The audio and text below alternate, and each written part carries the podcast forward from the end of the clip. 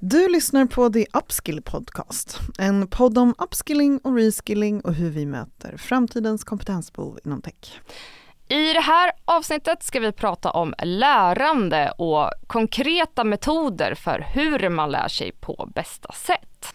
Ja, och vi som gör den här podden heter Emma och Louise och vi kommer från The Upskill Company. Vi jobbar med just lärande och mer specifikt med att omskola människor in i tech genom upskilling och reskillingprogram. Och stötta organisationer med att få in så kallade superlearners. Jajamän!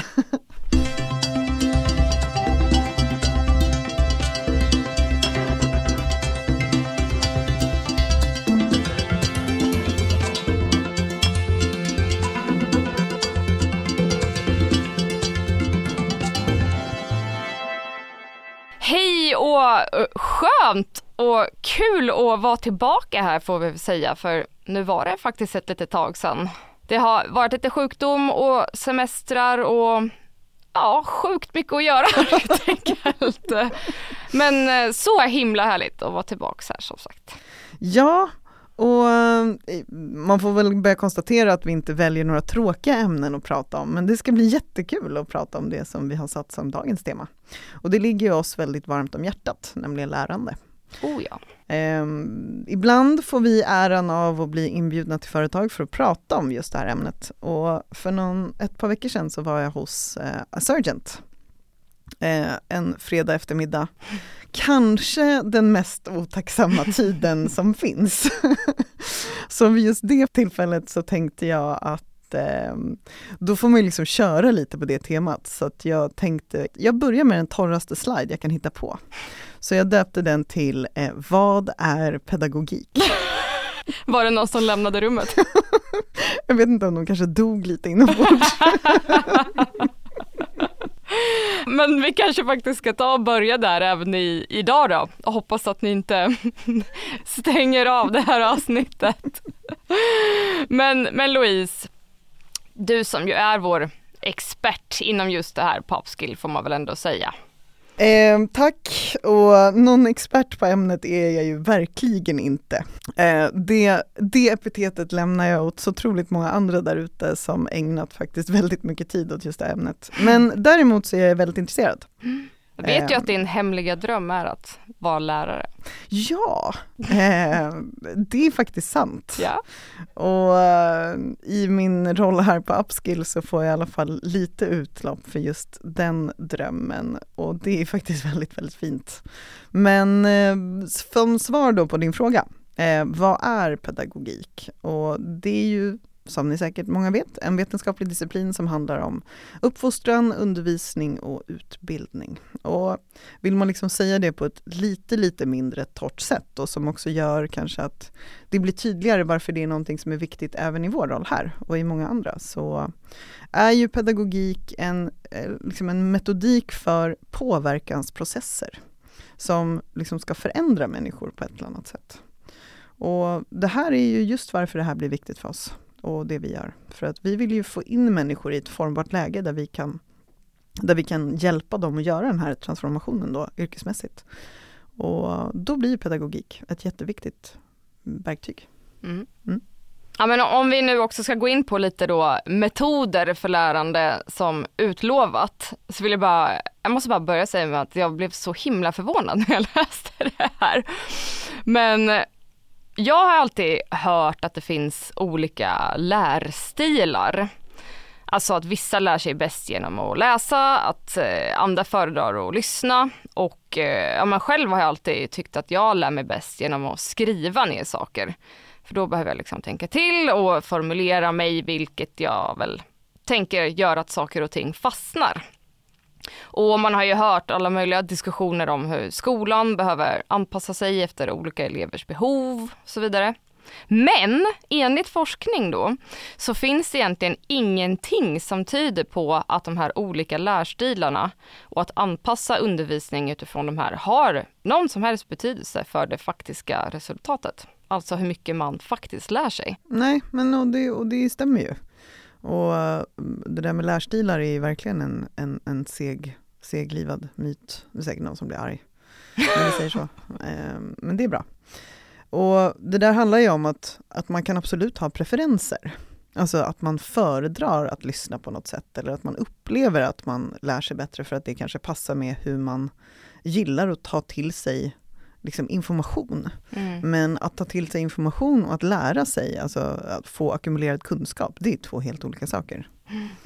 Och, och, där ska man inte blanda ihop personliga preferenser med vad som du poängterade ger faktiskt resultat. Mm. Och det här handlar ju i grund och botten om att hjärnan funkar likadant oavsett vilka preferenser du har, över hur den hanterar information och hur den gör så att saker och ting förflyttas från arbetsminnet in till långtidsminnet och det är långtidsminnet som du liksom kan, kan hantera, bevara och processa information. Och, så att det blir kunskap, så att det blir saker som du kan använda. För det är väl skillnaden på att liksom bara få information till sig och att göra så att du får information som blir till kunskap som du kan använda på olika sätt. Mm. Och Ska vi gå in på lite hur arbetsminnet funkar? Kör, säger jag. Mm, Okej. Okay. Eh, när man pratar om arbetsminne och eh, olika typer av processer för att eh, hur hjärnan tar in, bearbetar, lagrar och tar fram information, då pratar man ofta om liksom, kognition på olika sätt. Och när man då pratar om lärtillfällen så brukar man prata om kognitiv belastning. För det är det här som handlar om hur hjärnan hanterar information och i förlängning liksom hur arbetsminnet då kontra långtidsminnet fungerar när det kommer till att inhämta, processa och förvalta kunskap. Så enkelt förklarat så säger då teorin gällande eh, kognitiv belastning att vårt arbetsminne aktivt kan jobba med ungefär 4 7 bitar ny information. Och att den kan hålla den här informationen under väldigt kort tid, nu pratar vi liksom minuter, inte timmar. Mm. Och det här är då när du får ny information, saker som du inte kan sedan tidigare. Och den här nya informationen blir kunskap, så först när du har kunnat förflytta den till ditt långtidsminne. För där kan vi hantera hur mycket och hur komplex information som helst. Um, vi vet liksom inte ens om det finns någon begränsning i hur mycket information långtidsminnet kan hantera. Men, det här är som att prata om rymden. Ja, ja, ja, verkligen. eh, och då kan man ju prata om att arbetsminnet är en otroligt liten låda. Mm, dessutom. Ja, exakt. Och så har du liksom den här lilla, lilla lådan kontra rymden. Bra. Men i då långtidsminnet, där vi som sagt kan hantera hur komplex information som helst, där hanteras informationen i någonting som kan liksom översättas som typ scheman. Alltså system av information. Och ett schema kan vara allt från några få delar, liksom väldigt enkla informationsdelar, som hjärnan har kopplat ihop eh, till extremt komplex information. Och man kan liksom göra liknelsen om att ett schema kan både vara informationen om att liksom ikonen 2 är en siffra och att den här siffran symboliserar då ett värde som är då eh, en plus en bit. Eh, men ett schema kan liksom också vara eh, att förstå hur Einsteins relativitetsteori funkar. Mm. Så det är liksom på den nivån och, och, ju mer komplex information du adderar till ett schema, ja desto mer komplex information kan du sedan hantera i ditt arbetsminne, för den underlättar de här schemana underlättar liksom din, din möjlighet att kunna addera saker till dem. Låter lite luddigt men man får liksom just tänka det här strukturen över att saker och ting finns då i massa, massa olika nivåer. Mm. Och det gör ju också att när du har, jag tycker att det är ganska bra att likställa det med att när du, när du är alldeles ny i ett ämne, eh, säg att du ska lära dig om rymden till exempel, Ja, då börjar du ju kanske med att, att lära dig namnen på planeterna i vårt solsystem och ordningen på dem. Mm. Men när du har forskat om rymden i tio år, ja då kan ju du liksom förstå eh, komplexiteten av ljusets hastighet eller hur, hur det eventuellt liksom, eh, de fysiska lagarna slutar att existera i svarta hål eller vad mm. det kan mm. vara. Du har liksom förflyttat graden av komplexitetsnivå på informationen som du kan ta till dig och lägga till i det du redan vet. Eh, och det här är ju någonting som jag tycker att blir väldigt tydligt i den typen av eh, program som vi gör med våra upskillar. Mm. Där vi ju också är väldigt tydliga med att så här, första veckorna kommer ni vara i total förvirring. För det kommer vara så mycket nya termer, det kommer vara så mycket nya liksom, eh, förkortningar, eh, alla all ekosystem, allting runt det, att bara förstå hur de här sakerna överhuvudtaget hänger ihop, Mm. kommer vara otroligt svårt. Och vi brukar ju säga till dem att så här, gör en liten övning med er själva om, säg, tre veckor, fyra veckor. Och gå tillbaka och titta på de här sakerna som ni fick första veckorna, som ni tyckte var total grekiska. Och så kollar ni om ni förstår det. Och alla får ju alltid samma uppenbarelse över att så här, oj, jag förstår ju det här nu. Ja, precis. Det är alltid lika kul. Ja, men det är ju det. Och där Mm. har man ett väldigt tydligt exempel på hur, hur, hur de blir alltså så hjärntrötta de första dagarna av att det är så mycket ny information Mm. eh, på, på väldigt grundläggande nivå, som bara ett par veckor senare är självklar, vilket gör att de då kan förstå mycket, mycket mer komplexitet. Mm. Häftigt. Mm.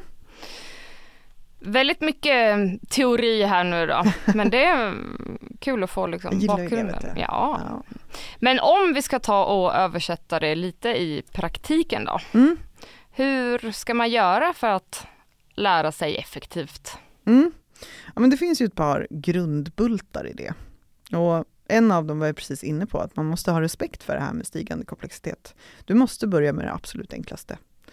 Och om, det, om du vill liksom prata om saker som man gör på jobbet, ja om du ska börja gå in och lära en ny del av någonting, eh, ja men då måste du ju först förstå lite av den grundläggande terminologin till exempel. Eh, om man jobbar med olika typer av verktyg eller plattformar, ja då behöver du ju förstå strukturen av det, du behöver lära dig lite eh, hur de döper saker eller liksom vad förhållanden mellan olika delar är. Så börja på det mest grundläggande. Det är väl typiskt sån sak. Du behöver börja med det enklaste. Mm den andra som är som man kanske behöver ha med sig som metod oavsett vad man lär sig, är just med tanke på att då arbetsminnet, när man förstår hur det funkar, att det kan hålla så lite information eh, under så kort tid, så behöver man konstant avlasta sitt arbetsminne. Och när du sa att din bästa teknik för att lära dig att skriva ner saker, så är den faktiskt inte helt tagen ur luften, för det är väl faktiskt ett av de mest effektiva sätten Mm. att avlasta sitt arbetsminne. För att om du, om du berättar någonting för mig eh, i en, vilken typ av situation som helst, om det är nytt för mig, då behöver du ta en paus ganska ofta, bara så att jag har tid att liksom skriva ner det du har berättat, eller kanske nyckelord eller eh, centrala begrepp. Och det, det är ett, liksom ett, ett väldigt enkelt sätt att avlasta sitt arbetsminne. Du behöver tömma ner det på något sätt. Nu går jag, återgår jag till teori här, Mm. men hur går det till rent praktiskt när det här någonting förflyttas från arbetsminnet då och lagras i långtidsminnet? Som sagt, jag är inte en expert på det här, men det här handlar om att bygga liksom olika typer av eh, kopplingar i hjärnan. Neurala kopplingar. Ehm, och sättet som hjärnan gör det, att om du, och det har väl då med nästa grej som jag hade sagt praktiskt, man behöver repetera saker. Mm. Därför att för, var, för varje gång som du då återbesöker den här typen av information eller hanterar den på något annat sätt, det kan ju då vara att jag berättar någonting för dig, du skriver ner det. Sen går du tillbaka till dina anteckningar och tittar på det du har skrivit och då tänker du, åh vad var det hon menade när hon pratade om Kubernetes? Mm. Eh, och då gör din hjärna en koppling till att, så här, just det, vad var det? Du kanske behöver gå tillbaka och titta någon annanstans, vad var det hon menade med det där? Ja, just ja. Då ritar liksom din hjärna fler och fler spår där den kopplar ihop de här sakerna. Kubernetes betyder det här, den här grejen betyder det här, det hör till de här sakerna som jag redan vet på det här sättet. Så därav att repetition är en av de viktigaste sakerna om man vill liksom få riktig ackumulerad kunskap. Du behöver gå tillbaka och på egna sätt hantera informationen så att du förstår hur de här sakerna hänger upp. Ehm, men, men det är liksom om man, jag, har, eh, jag ska inte ta gift på det här, men man kan liksom nästan se det som att hjärnan behöver rita upp små bilder av vad det är för någonting som du försöker lära dig att förstå. Och när du väl har ritat upp den bilden, ja men då kommer den finnas där. Men om man tänker sig då att man varje gång eh, du gör ett streck första gången, andra gången du gör det så gör du fler streck så blir bilden tydligare och tydligare och tydligare. Och det är lite samma, samma funktion. Mm. Så hanterar du informationen en gång så kommer det vara ett väldigt, väldigt svagt streck eller ritning eller liksom vad man vill kalla det. Men gör du det tusen gånger så kommer den vara supertydlig. Bra liknelse. Tack. Mm. Den var väl tydlig i mitt huvud. Men sen är det väl också det här att man ska kanske först höra det från någon, inte nödvändigtvis i denna ordning, men Mm. sen kanske gå, som du säger, läsa sig vidare och sen faktiskt, vilket är något jag misstänker att du kommer in på härnäst, faktiskt testa på att göra det Mm. praktiskt Mm. om möjligt. Ja, exakt. Och det där handlar ju lite om vad det är för någonting vi pratar om. Är det någonting praktiskt man ska lära sig? Ja, det är klart att du behöver öva på exakt hur det funkar. Men att, att repetera saker eller att sätta saker i kontext kan man göra på en massa olika saker, både med praktisk och teoretisk kunskap. Och när man sätter saker i kontext, ja om du ska lära dig att slå en golfboll, ja då behöver du ju slå med eh, din klubba väldigt, väldigt många slag innan du börjar förstå hur, hur dynamiken hänger ihop och vad som ger utslag på vad. Men om det handlar om att du försöker förstå en komplex teoretisk sak eller kanske då förstå hur tekniskt nätverk av något slag eller funktion funkar. Då, då behöver du ju liksom förstå det på många olika plan. Du behöver kunna hantera informationen på olika sätt. Det är också ett sätt att repetera eller då att, att använda det praktiskt. Um, och där är väl den här vanliga utmaningen, kan du förklara det liksom så att en femåring förstår eller en tioåring Mm. förstår eller en total nybörjare? Ja men då har du förstått, för då kan du hantera informationen på en massa olika sätt. Eh, men ja, att använda det är ju oerhört viktigt, vilket ju också leder till på en annan praktisk sak, man måste våga göra fel. Mm. Ehm, när det finns en ytterligare en sån teori inom liksom det pedagogiska paraplyet som kallas på engelska då the test enhancing effect. Som betyder om att ju mer man testar sin egen kunskap, desto bättre lär man sig. Och det här handlar då inte bara om de klassiska testerna, så att du gör en saltenta som jag sen rättar och så berättar jag för dig om du hade rätt eller fel. Utan det är liksom en funktion som funkar även med eh, helt eh, autonoma test nästan. Alltså att du skriver ett test, ingen rättar den, du rättar det själv. Utan det är funktionen som man egentligen kan uppnå då, ge också med att ha, vad heter det, flashcards. Kallas det det, när man skriver en fråga på ena sidan och så Ja. är svaret på andra sidan. Typiskt sån klassisk studietekniksgrej som funkar jättebra. Mm. Just för att du hela tiden testar dig. Ehm, och det kan också vara att du berättar för en, för en kollega. Att du måste använda egna ord för att beskriva någonting. Mm. Det är också att testa sig Mm. och att sätta det i praktik eller i kontext. Och sen minns man ju ofta också det som man en gång har gjort fel. Ja, exakt. Förlåt, Mm. det var ju där jag började. När du väl gör någonting fel och inser att så här, oj, här blev det inte rätt. Då är det en stark signal om att du har missat någonting som du då behöver fylla upp på. Eh, som funkar väldigt, väldigt bra. Mm. Så att göra fel är liksom aldrig någonting man ska se ner på, utan man ska se det som det bästa lärtillfället. Mm. Nej, men och sen är jag nu på att glömma kanske en av de viktigaste sakerna. Eh, typiskt, man glömmer alltid liksom, typ mest primära. Eh, och det handlar ju om att, som jag lite var inne där på med att avlasta arbetsminnet, man behöver ta pauser. Om man sitter med någonting som man verkligen inte liksom får till ett problem eller eh, någonting, lämna det en stund. För att hjärnan har en massa olika processer, både aktiva men också passiva. Och eh, i den här passiva fasen, när du inte tänker aktivt på någonting, så hanterar fortfarande din hjärna väldigt mycket av den här informationen. Så att, att sova på saken är liksom helt rätt. Ehm, så sitter du med någonting som du verkligen inte kommer loss med, släpp det, gör något annat. För att hjärnan fortsätter, det kallas här diffuse mode of thinking eller något sånt.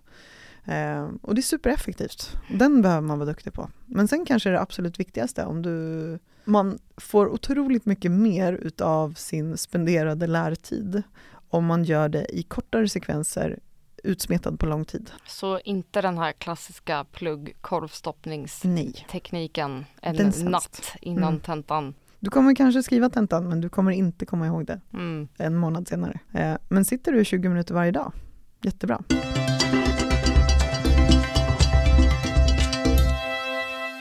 Ja, men jättebra tips. Ehm, jag tänker, ska vi gå in lite grann på hur man kan tänka när man är ute i jobb då? För jag menar, det är ju en sak när man går i skolan, de är så himla inne i det här.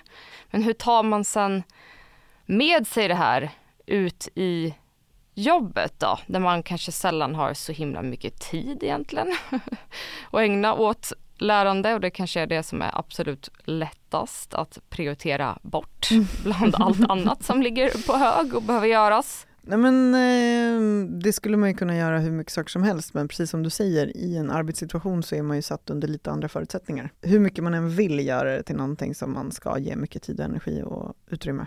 Nej men och vi kan börja där för att eh, lite varje dag är ju kanske det viktigaste och bästa och mest konkreta tipset. Jag menar står du inför att du behöver lära dig KQL eller något annat spännande Eh, försök inte sätta dig liksom två dagar och tro att det ska, det ska ge tydliga resultat, utan sätt 20 minuter varje dag. Och ha en liten plan med vad du vill komma med det, men att just göra det varje dag. Och att sen också under, när du kanske då tröskat igenom det, det du känner att du behöver addera, lägg till liksom tid efteråt för att bara repetera det. Repetera och göra det under lång tid är liksom det bästa. Och det är väl också kanske egentligen om man ska vara krass, det som kanske kommer funka bäst också i sin arbetsvardag. För jag menar, det är, det är lättare att hitta 20 minuter en dag under lång tid eller under flera veckors tid än att liksom kunna viga två och en halv dag, vilket vi också vet inte liksom kommer ge bäst resultat. Um, så den är min första. Um, den andra som jag tror är viktigt i ett jobbsammanhang är att, att att eh, sätta dig i den kontexten där du jobbar och där du vet att det kommer ge värde. Alltså använd det. Eh, mm. Där kommer vi in i lite vad vi pratade om nyss, våga göra fel eller våga inse att saker och ting kanske kommer ta lite lång tid eller vad det kan vara. Mm. Men sätt det i någon typ av kontext. Eh, så att du kan använda det, så att du förstår hur, hur det relaterar till allting du redan kan. Då tror jag också att det blir lite, lite mindre läskigt kanske. Mm. Um, Sen och, tänker jag det här med att bara alltså, prata med sina kollegor eller om möjligt om man kan lära mm. sig någonting ihop ja. tillsammans. Ja, och det har ju jättemycket, det är liksom, fastän man inte tänker på det så är det lite av den här test, test enhanced effekten. Mm. Därför att om du behöver förklara någonting för mig som du har lärt dig, mm. då måste du känna att du kan liksom om formulera informationen, att du kan kanske svara på mina frågor. När jag ställer en fråga så kommer du märka var någonstans du har kunskapsluckor. Mm. Eh, så att, att prata med folk som du jobbar med om det du lär dig mm. är jätte, jätteeffektivt. Mm. Så det får väl vara våra tre. Mm. Lite varje dag, eh, sätt det i kontext och försök att prata om det. Mm. Eh, och förklara det för andra som du har i din närhet. Mm.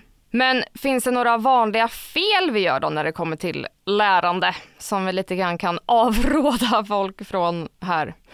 Jag har till exempel en grej som jag stör mig så otroligt mycket på när folk gör och som jag liksom har råkat ut för nu ganska många gånger under workshops eller utbildningar och sådär. Och det är när, när personen som håller i det hela liksom låter så här, när det kommer någon fråga eller någonting så säger de så här, ja ah, men vi kan ta 15 minuter så kan ni diskutera det i, i grupp. och jag menar så här, hallå, vi är där för att lära oss, inte sitta och gissa oss till saker själva. Det blir lite så här, en blind leder en blind effekten. jag antar att intentionen är god ja. och att man tänker att man liksom främjar att folk ska tänka efter själva och så vidare och att man lär sig bra på det sättet. Men jag mm. tycker att det slår ganska fel för då kan det faktiskt vara att man liksom, någon säger någonting som man tycker, ja men det där lät smart. Så lär man sig fel mm. och så är det det man minns. Mm. För att det var det man satt och diskuterade. Exakt. Liksom. Du, har, du har förstärkt någonting åt fel håll. Och jag och, menar de flesta gånger får man inte ens liksom någon uppföljning på det där utan då blev det, blev en sanning. sanning. Nej men eh, bra exempel på också ett, eh, en dålig metod. Och jag håller med dig, det är jättevanligt. Det där är ganska vanligt i skolan också, från vad jag kommer ihåg, att man är så här, här är ett problem, kolla vad ni kommer fram till. Ja. Och bara, men vänta här nu, jag har inte fått några metoder för hur jag ska göra det här. Nej, och där blir det ju det här om man ska då följa den kognitiva belastningsteorin och det den bestämmer om det här med arbetsminne och långtidsminne. Så det bästa sättet att lära sig, hur torrt den är, är att så här, presentera då, här är problemet, man skriver ut lösningen. Så här, så här löser man det här problemet. Och så förklarar man såklart. Man löser det här problemet på det här sättet på grund av de här olika reglerna eller vad det kan vara. Mm. Eh, och sen säger man, här varsågoda, nu får ni testa att göra själva. Mm. Och där har då med den här ny, hur mycket ny information man kan lära sig. Mm. Um, Så du har helt rätt om att, du har helt rätt i att bli sur när du träffar folk som gör sådär. Tack, jag ger dåligt. alltid feedback på Ja. det här. Också ett bra sätt att lära sig, Ja, men det kanske vi inte ska prata om idag. Ehm, men ehm, Emma, nu har jag pratat mycket. Ehm, vad, vad, skulle, vad skulle du säga är det viktigaste medskicket när det kommer till att lära sig? För jag tänker, du har ju, du har ju också följt våra klasser på nära håll Mm. och liksom sett mycket av, av det som ger positiva utslag. Jag skulle vilja säga bara att våga. Mm. Att inte vara rädd och säga ja och ta sig an projekt eller uppgifter bara för att man inte vet så mycket om det här ännu. Och att ja, men, våga vara trygg med att det är någonting som man kommer att kunna lösa och ta reda på. Och ja, men det här är ju verkligen någonting som organisationer måste jobba på att, och som vi gör då med våra upskillare, att liksom utrusta sina anställda med de här verktygen de behöver för att kunna lära sig nytt och, eh, och skapa den här psykologiska tryggheten som behövs för att folk ska våga. Mm. Får jag nämna mitt favoritcitat från en av våra första upskillare? Kör. Nej men jag tycker fortfarande att det, det liksom sätter, det, det sammanfattar det vi gör och det vi vill uppnå så himla rätt. Och det var då eh, efter vår första program, eh, vi hade en eh, avslutning där de skulle liksom få berätta lite om vad deras största takeaway var. Och en av dem sa, nej men jag är inte rädd längre. Nej, Han bara, nu vet jag att vad det än gäller som jag ska lära mig, så gäller det bara att ha lite metod och börja på rätt ände och ta ett steg i taget. Där har vi det. Mm. Mm. Nej, men, men det här är något som bara har hamrats in i mig också sen jag började här på Mm. Upskill. Jag var också en sån som bara, nej men det- jag vet inte om jag kan eh, göra det där, för det där kan jag ingenting om. att gå från det till att bara säga, ja absolut, ni får ge mig några fler dagar bara, för att jag har aldrig gjort det här förut. Som att vara poddproducent. ja, Ja, till exempel. exempel.